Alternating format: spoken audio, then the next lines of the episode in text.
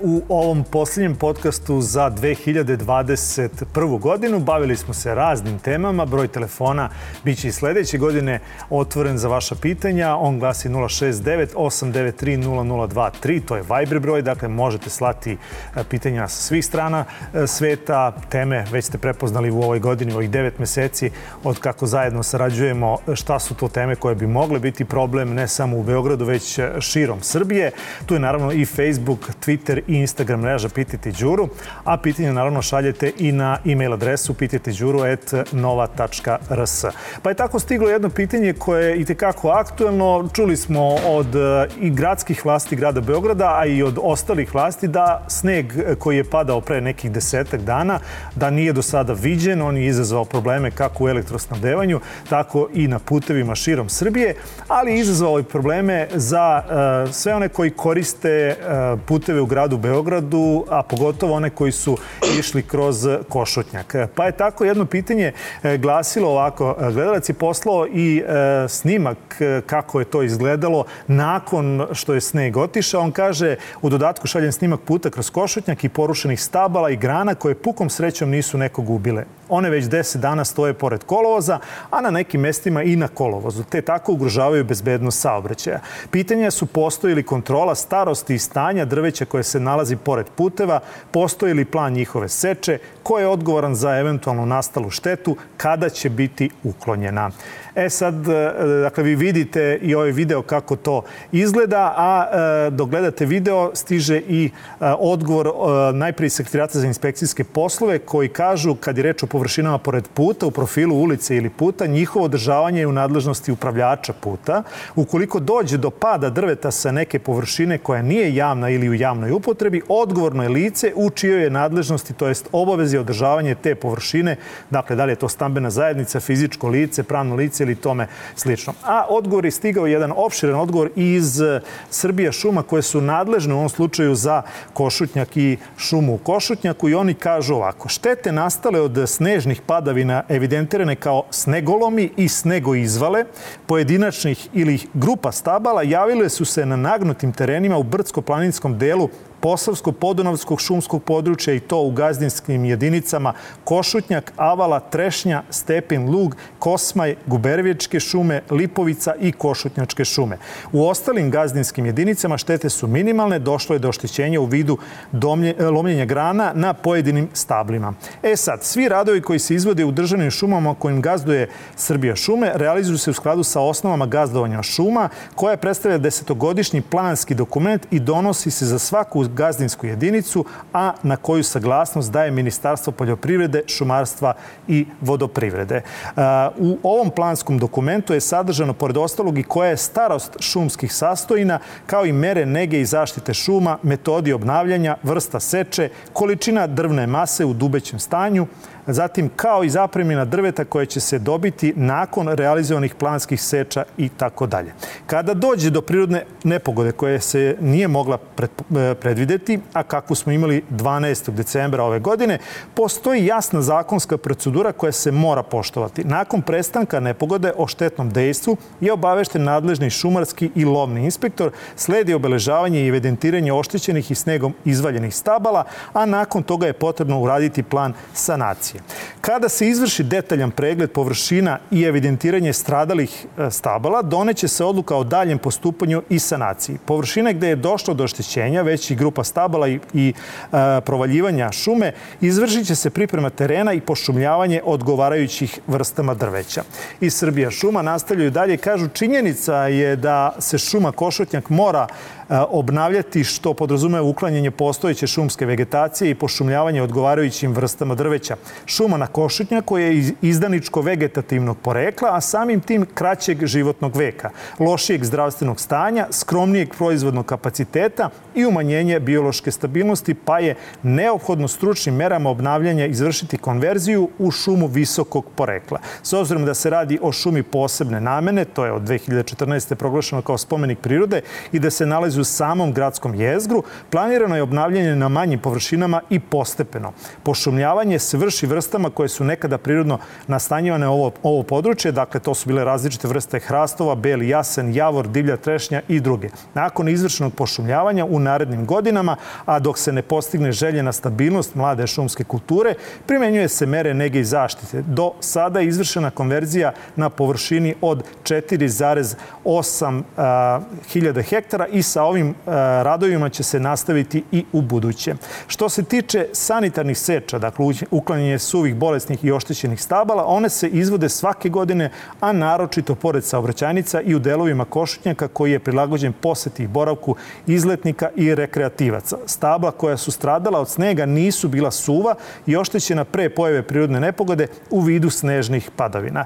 Radi normalizacije saobraćaja uz primjenu svih bezbednostnih mera 13. do, do 14. decembra najpre su e, sa saobraćaja uklonjeni delovi ili čitava stabla koja su stradala usled snežnih padavina, a na ovim poslovima je e, šumsko gazdinstvo Beograd bilo angažano 34 radnika. Dalje mere će se izvoditi nakon obeležavanja i evidentiranja stabala i izrade neophodne zakonom predviđene dokumentacije.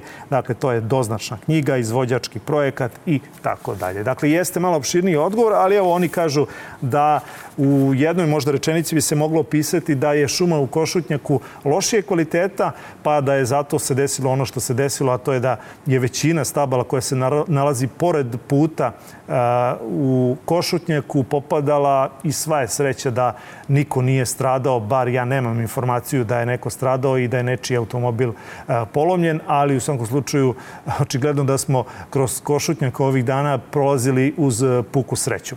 A upravo u Košutnjaku je i Dejan Jovanović iz udruženja Bitka za Košutnjak koji svakako prati ne samo zbog ovih snežnih padavina, već i zbog onoga svega što se dešava u Košutnjaku stanje e, u ovom delu Beograda, e, pa ćemo sada uključiti Dejana da ga pitamo kako je sada stanje na Košutnjaku. Dejane, e, da li se, da li se čujemo, da li se vidimo?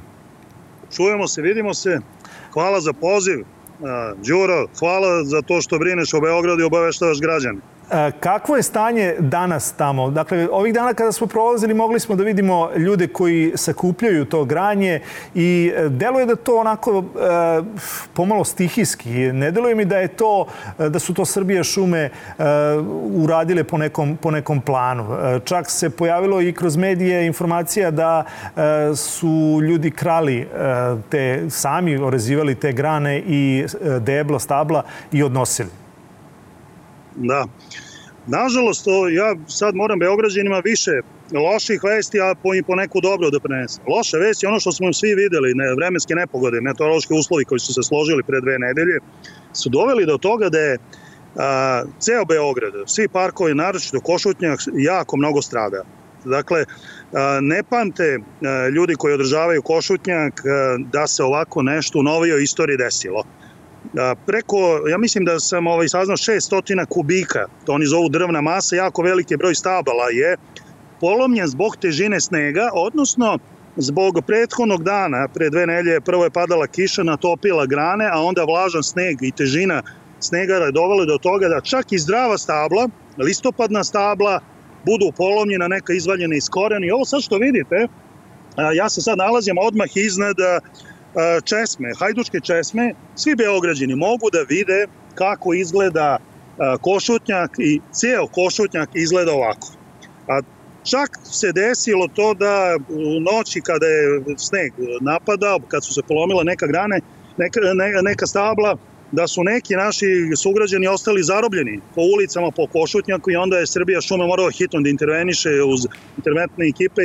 A, razmere kataklizma su tako velike da koliko god da imaju zaposleni ovaj, Srbija šume šumskog gazdinstva Avala nema dovoljno za, ovo, za ove razmere kataklizma. Tako da mi koji inače napadamo kad god nešto nije u redu ovog pruta moramo da da ovaj pohvalimo ovo gazdinstvo zaista koje na neki način ovaj se izdiglo iz situacije i pomaže da, da se ovo sanira. Dene, ovaj, još jedna informacija, Dene, još jedna informacija o kojoj smo pričali u nekoliko navrata.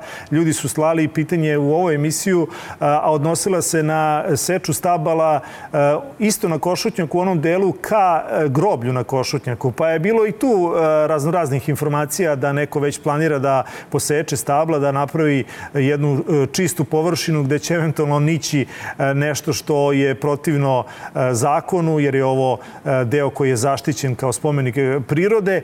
Vi takođe i za ovo imate jednu dobru informaciju. O čemu se radi? To je lepa vest, tako je. A, a tačno je da kad god se desi tako nešto, iskoriste neki investitori koji su veoma moćni, a, pa pokušaju kad, da kažu pod izgovorom kad je već a, e, stradalo, hajte da mi to urbanizujemo. Iznad groblje i pored ski staze, e, dvaje velike površine, oko 6, ja mislim 6,5 do 7 hektara, je planski zasađeno i obnovljen. Znači, taj deo je rekultivisan, tu su zasađeni blizu 7000 mladih hrastova vrsta kitnjak koji mogu da žive čak i 200 godina. Pojedini primjerci možda i 500-600 godina.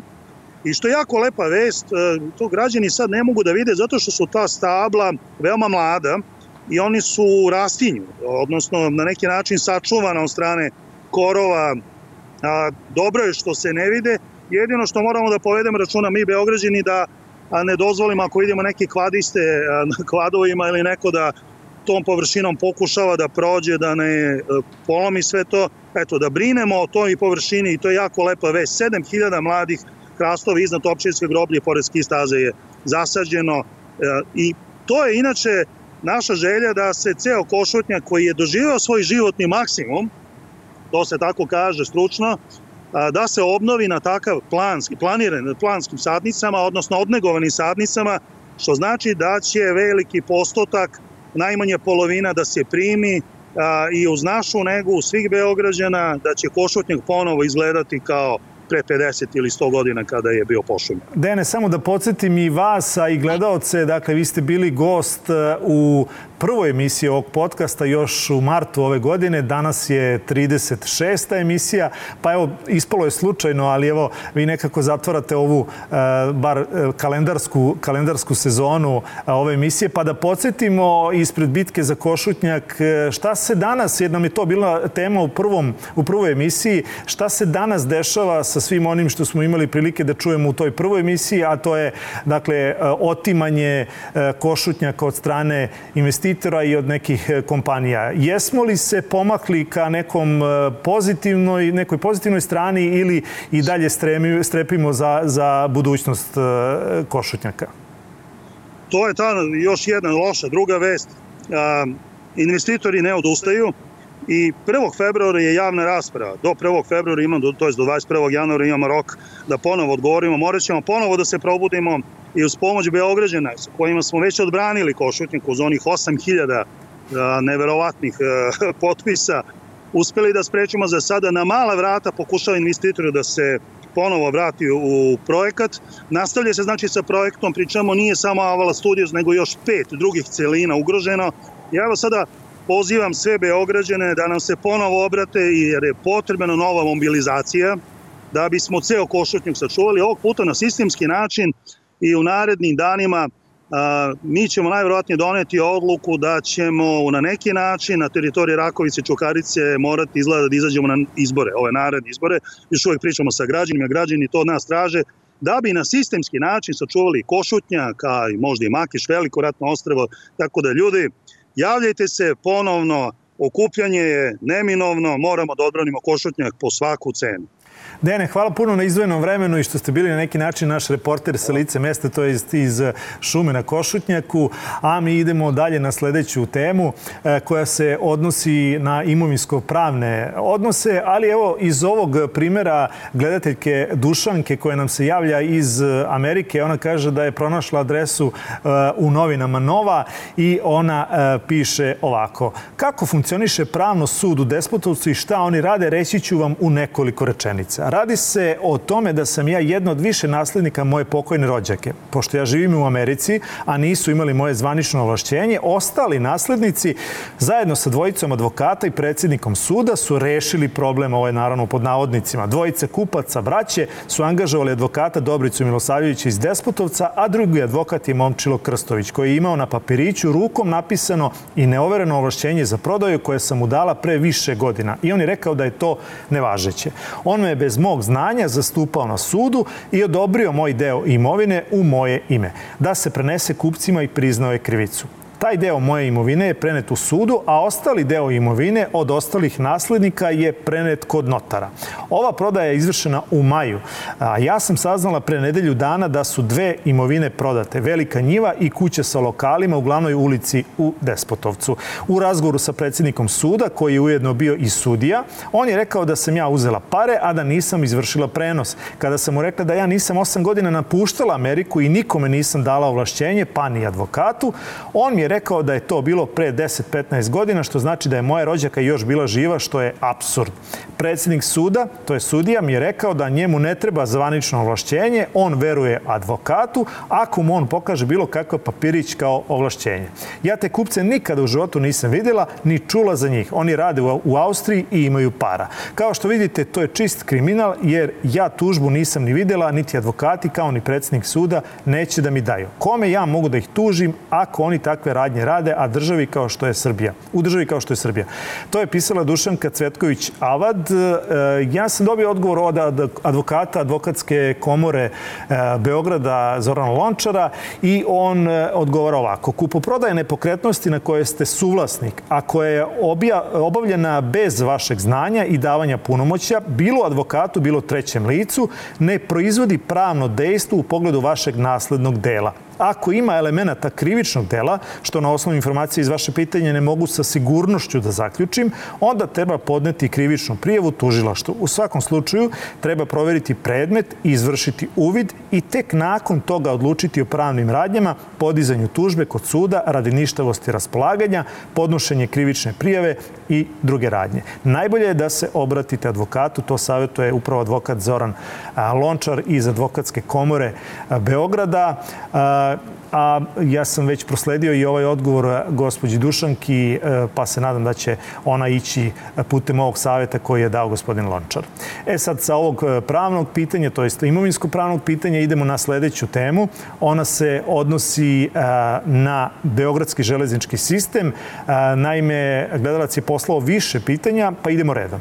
Kaže on ovako, da li grad ima u planu izgradnju novih stanica za BG voz? Bilo je priča u prošlosti o stanici Vidikovac na uglu ulica pilota Mihajla Petrovića i Patrijarhije Ganikija, gde pruga prolazi ispod zemlje, te bi se gradila stanica poput Vukovog spomenika. Stanica kod sajma, gde bi se neposredni e, pred železnički most dogradile platforme za putnike, a platforme bi sa sajmom mogle spojiti liftovima, pokretnim i klasičnim stepenicama. Evo što su meni odgovorili iz uh, Direkcije za građansko zemljište iz gradnju Beograda. Kažu ovako, planovima razvoja i usvojenim strateškim dokumentima grada Beograda planira se modernizacija i unapređenje šinskog sistema kao dela sistema javnog prevoza putnika. Ovim dokumentima sistem javnog gradskog prevoza putnika u gradu posmatran je kao jedinstven sistem respektujući sve karakteristike pojedinih podsistema i uzimajući u obzir intermodalne tačke između njih. Razvoj i unapređenje šinskih sistema u sistemu gradskog prevoza, dakle tramvaj, BG voz i metro, jedan je od osnovnih ciljeva i predstavlja osnov daljeg unapređenja prevoza putnika u gradu, a time i povećanje kvaliteta života svih njegovih stanovnika. U skladu sa tim planira se modernizacija postojićih kapaciteta BG voza, ali i izgradnja novih stanica u sistemu BG voza. Razvojni planovi definišu da potpuno razvijen sistem BG voza ima četiri gradske i tri prigradske linije. Ukupan broj stanica u sistemu BG voza biće oko 50. Jedna od novo planiranih stanica je stanica Sajam koja će biti povezana sa budućom metro stanicom Sajam. Stanica u zoni Vidikovca koju pominjete u vašem pitanju nije planirana. Karakteristike terena terena i postojićih železničkih koloseka su takve da bi eventualna stanica u ovoj zoni bila na dubini većoj od 80 metara. Primere radi stanica Vuko spomenik je na dubini od oko 45 metara. Ovaj deo grada nije planiran za povezivanje sistemom BG voza, već tramvajskim i metro sistemom, što je i definisanom planom generalne regulacije šinskih sistema u Beogradu sa elementima detaljne razrede prve linije metroa. Eto, dakle, to su odgovorili iz Direkcije za građansko zemljište i izgradnju Beograda što se tiče ovog pitanja. A sledeće pitanje odnosilo se na sledeću temu. E, kaže gledalac, šta se dešava sa pešačko-biciklističkim mostom Ada Ciganlija, Novi Beograd? E, Odgovor je sledeći. U toku izrada plana detaljne regulacije za izgradnju pešačko-biciklističke veze između ulice Omladinskih brigada i Ade Ciganlije sa mostom preko reke Save, a obrađivač plana je Urbanistički zavod Beograda. A, idemo na sledeće pitanje. Kaže on, produženje ulice Endija Vorhola preko petlje Savska magistrala do Obrenovačkog druma na Ade Ciganlije, čime bi se rasteretio jedini izlaz e, sa Ade Ciganlije kod Lidla. Dakle, po mojim informacijama, ovaj projekat postoji i uradila ga je Direkcija za gradsko građevinsko zemljište, pa je dakle, pitanje e, dokle se stiglo sa tim. Ovo što su mi odgovorili, ja vam sada saopštam. U nadležnoj službi za katastar nepokretnosti u toku je deoba katastarskih parcela u cilju formiranja građevinske parcele za javnu saobraćenu površinu koja prema planskom dokumentu treba da poveže Obrenovački drum i Savsku magistralu. Po donošenju pravosnažnih rešenja o deobi planiraće se dalje aktivnosti na pripremi za realizaciju ove saobraćajnice. Dakle, to su odgovori, odgovorili iz gradske uprave. E, idemo na e, sledeće pitanje. Isti gledalac je postavio i ovo pitanje dokle je stigao projekat podvožnjaka ispod pruge u Bulevaru umetnosti na Novom Beogradu. Odgovor je sledeći. Programom uređivanja i dodale građevinskog zemljišta za naredni period planiraće se izrada tehničke dokumentacije za izvođenje denivelisanog ukrštenja pruge Beograd, to je Batajnica, Šid, to je Subotica, i Bulevara umetnosti na Novom Beogradu. Dakle, ovo je još u domenu e, tehničke dokumentacije, znači dok se to realizuje, proći će, ja mislim, nekoliko godina. I evo još e, jednog poslednjeg pitanja koje je isti gledalac e, postavio, kaže on, e, kada će most na Adi dobiti svoj vrh i kada će na istom da prorade liftovi? Ovo pitanje, ja mislim, je toliko večno koliko je i sam most preko Ade. Odgovorili su mi sledeći, u toku je popravka liftova u sklopu mosta na Adi, petlje radnička, sa izdavanjem sertifikata, posle čega će liftovi biti predati na upotrebu i održavanje nadležnom sekretarijatu. Most na Adi sa pilonom je izgrađen u svemu u skladu sa građevinskom dozvolom. I sad slušajte nevjerojatan e, podatak, ukoliko ga već do sada niste imali. Rešetkasti vrh pilona nije sastavni deo građevinske dozvole. Ako ja dobro tumačim ovaj odgovor, e, mi taj vrh na pilonu nikad nećemo dobiti. Čuo sam i neke nezvanične informacije da je pokušano da se to realizuje, ali prosto to bi moralo da se radi iz helikoptera zbog velike visine, to jest velike nadmorske visine i vetrova koji su na toj visini. Ovo je, kako sada stvari stoje, nemoguć e, zadatak i e, očigledno da će Beograđani ostati bez tog vrha završnog, vrha na pilonu preko mosta na Adi, a čuli ste građavinskom dozvolom on nije bio e, ni predviđen. Eto, dakle, to je odgovor iz gradske uprave na ovih nekoliko pitanja koje je postavio isti gledalac, a idemo na sledeću temu, vrlo aktualna tema. Ovde se očigledno luta kako bi se našao pravi odgovor, ali mislim da smo na dobrom putu. Naime, gledalac je pisao ovako. Pozdrav, Đuro, jedan konkretan problem. Svi ovih dana apeluju da se prijave hazardi koji bi mogli izazvati požare u stambenim zgradama. Jedan od takvih je nelegalno priključivanje odvoda od aspiratora u dimnjak. I svi se tu slažu da je to zabranjeno, iako vas niko ne ume uputiti gde to tačno piše, koji zakon, podzakonski akt i tako dalje. Ali kada krenete od Beokoma, jer je u pitanju Beograd, to jest u ovom slučaju Palilula, pa nadalje do inspekcijskih, gradskih ili opštinskih službi, niko nije nadležan i ne zna da vam kaže ko postupa u tom slučaju. Pa ako možete da se malo pozabavite ovim pitanjem, jer je još jedan dokaz šupljih marketinških kampanja o tome kako brinemo o bezbednosti građana. Apelujemo na sve strane, ali od konkretnih akcija ništa. Ovo je pisao a, Slobodan. A, za sada stiže odgovor, dva, zvan, dva zvanična odgovora i jedan nezvaničan. Pa da krenemo redom. I sekretarate za inspekcijske poslove pisali su ovako. Stambena zajednica je dužna da sačini izveštaj o pregledu pregledu zgrade koji uključuje i pregled dimničarskih kanala i o utvrđenim nepravilnostima neophodno je da obavesti građevinsku inspekciju, a po potrebi i sektor za vanredne situacije Ministarstva unutrašnjih poslova.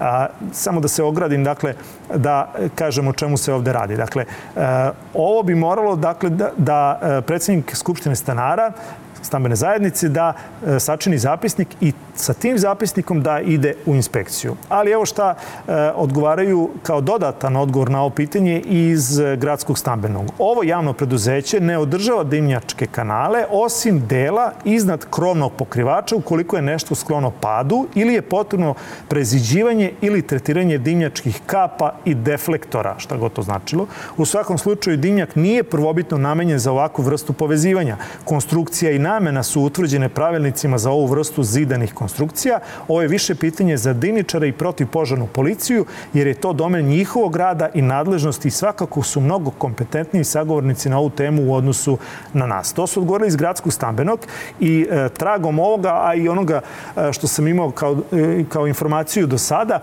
upravo sam se ja obratio Ministarstvu unutrašnjih poslova misleći da će oni, e, s obzirom da je pod njihovom nadležnošću i protivpožarna e, služba, služba i taj sektor za vanredne situacije reagovati i odgovoriti na ovo pitanje. Nisu zvanično odgovorili, pošto, kako oni kažu, nije im jasno pitanje. Onda sam im ja usmenim putem pojasnio o čemu se ovde radi, pa su onda rekli da, u suštini mi bi mogli biti nadležni, s obzirom da svaka zgrada mora da ima elaborat o protipožarnim uslovima, ne bili dobila građevinsku dozvolu, pa upotrebnu dozvolu, pa samim tim i legalizaciju. Dakle, Ministarstvo unutrašnjih poslova i sektor koji brine o ovakvim stvarima i kako je nadležan. Dakle, moj vam je savjet kada saberemo ova tri odgovora da e, predsednik Skupštine e, stambene zajednice ili nekadašnje skupštine stanara, e, ukoliko postoje dakle, ove nelegalne, nelegalni priključci aspiratora i onih cevi za aspiratore u dimnjačke kanale, to jest u dimnjake,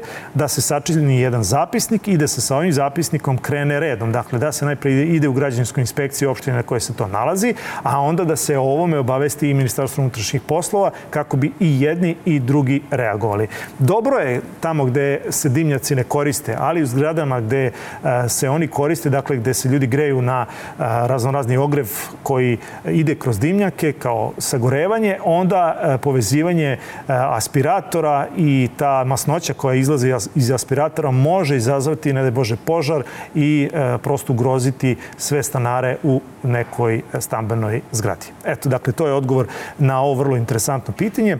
E sad, kad već pominjamo požare i paljanje, evo jednog pitanja koje se e, provlači, pa može se reći već decenijama. Ovo je samo jedna od e, lokacija gde ovakav problem postoji. Ovakvi problemi postoje širom Srbije ali e, što se tiče ovog pitanja oslonit ćemo se dakle na pisanje naše gledateljke. Ona kaže ovako, obraćamo se posle mnogo bezuspešnih poziva i obraćanja komunalnoj policiji u nadi da ćete bar da pišete o tome. Radi se o divljem romskom naselju koje se nalazi preko puta naselja Vidikovac do magistralnog puta. Opšte je poznato da se Romi greju tako što za ogrev koriste autogume, tako da mi imamo duplo zagađenje. Verujte da nama smrdi vazduh non stop. Mi ne osjećamo da je vazduh dobar čak i kada nije mnogo zagađen. Suvišno je da vam govorim kako to deluje na zdravlje svih nas. Hoće li se nekada rešiti ta romska naselja? Da li je moguće da se na njih ne odnosi ni jedan propis ove države? U nadi da ćete pomoći da počne bar da se priča o ovom ogromnom problemu, pozdravljaju vas stanari ulice Vidikovački venac broj 100. E sad, Odgovor za sada stiže iz komunalne inspekcije opštine Čukarica i oni kažu ovako. E, u proteklih nekoliko meseci e, ova inspekcija nije imala prijeva građana povodom paljenja guma i otpada na ovoj lokaciji poslednja prijeva koja se odnosila na ovu lokaciju, a povodom paljenja guma, upućena je inspekciji pre tri meseca, a inspektor je odmah po prijevi izlaz, izlazio na teren, ali nije zatekao počinioce. Takođe, inspektori će nakon obraćanja ponovo izaći na teren i sprovesti postupak u skladu sa odlukom o održavanju čistoće, odnosno ukoliko zateknu počinioce u paljenju otpada ili guma. Takođe, kada je u pitanju raseljavanje Roma e, sa ove lokacije, opština nema tu vrstu nadležnosti, već grad Beograd, odnosno sekretarijat za socijalnu zaštitu. Eto, dakle, to su odgovorili jedini koji su odgovorili, a to je opština Čukarica, koja je u suštini ovde najmenje nadležna. Ona jeste nadležna u domenu od komunalne inspekcije njihove, ali nije nadležna za rešavanje, kompletno rešavanje, raseljavanje ovih nehigijenskih naselja i zbrinjavanje tih ljudi koji žive u njima. Dakle, to je problem e, koji nadilazi opštinu, pa čak i grad Beograd. Ovo je problem sa kojim bi morala čitava država da se pozabavi i da neki na adekvatan način reši ta nehigijenska naselja. Bilo je pokušaja, sećate se, pre neki desetak, 15 godina da se to reši bar u Beogradu. Nailazilo je u jednu ruku na razumevanje, u drugu ruku ne, ali definitivno ovaj problem je problem koji postoji u čitavoj Srbiji i čitava država bi morala njime da se pozabavi. Ovo nije samo problem koji je, nazovimo ga, komunalne prirode, iako je to možda grubo nazvati na taj način, već je ovo problem koji se tiče politike. A onda očigledno nije popularno da se ovim bavite i da počinjete da, reš, da rešavate ove probleme, jer definitivno a, oni traju već decenijama. Eto, a, za sada toliko za ovaj podcast, za ovu kalendarsku godinu. A, mi ćemo se gledati ponovo 11. januara, dakle utorak 11. januara je, zakazujem, ponovno viđenje, a vas a, svakako pozivam da postavljate, kao što ste to radili i u ovoj godini, da postavljate pitanja na Facebook, Instagram i Twitter mrežu Pitajte Đuru. Možete pozvati ili šaljite vaše pitanje na broj Viber broj 069 893 0023 ili pišite na e-mail adresu pitajte đuru.nova.rs i na kraju naravno želim vam e, mnogo zdravlja i sreće u 2022. E, godini i pozivam vas da budete moji saradnici i u narednoj godini.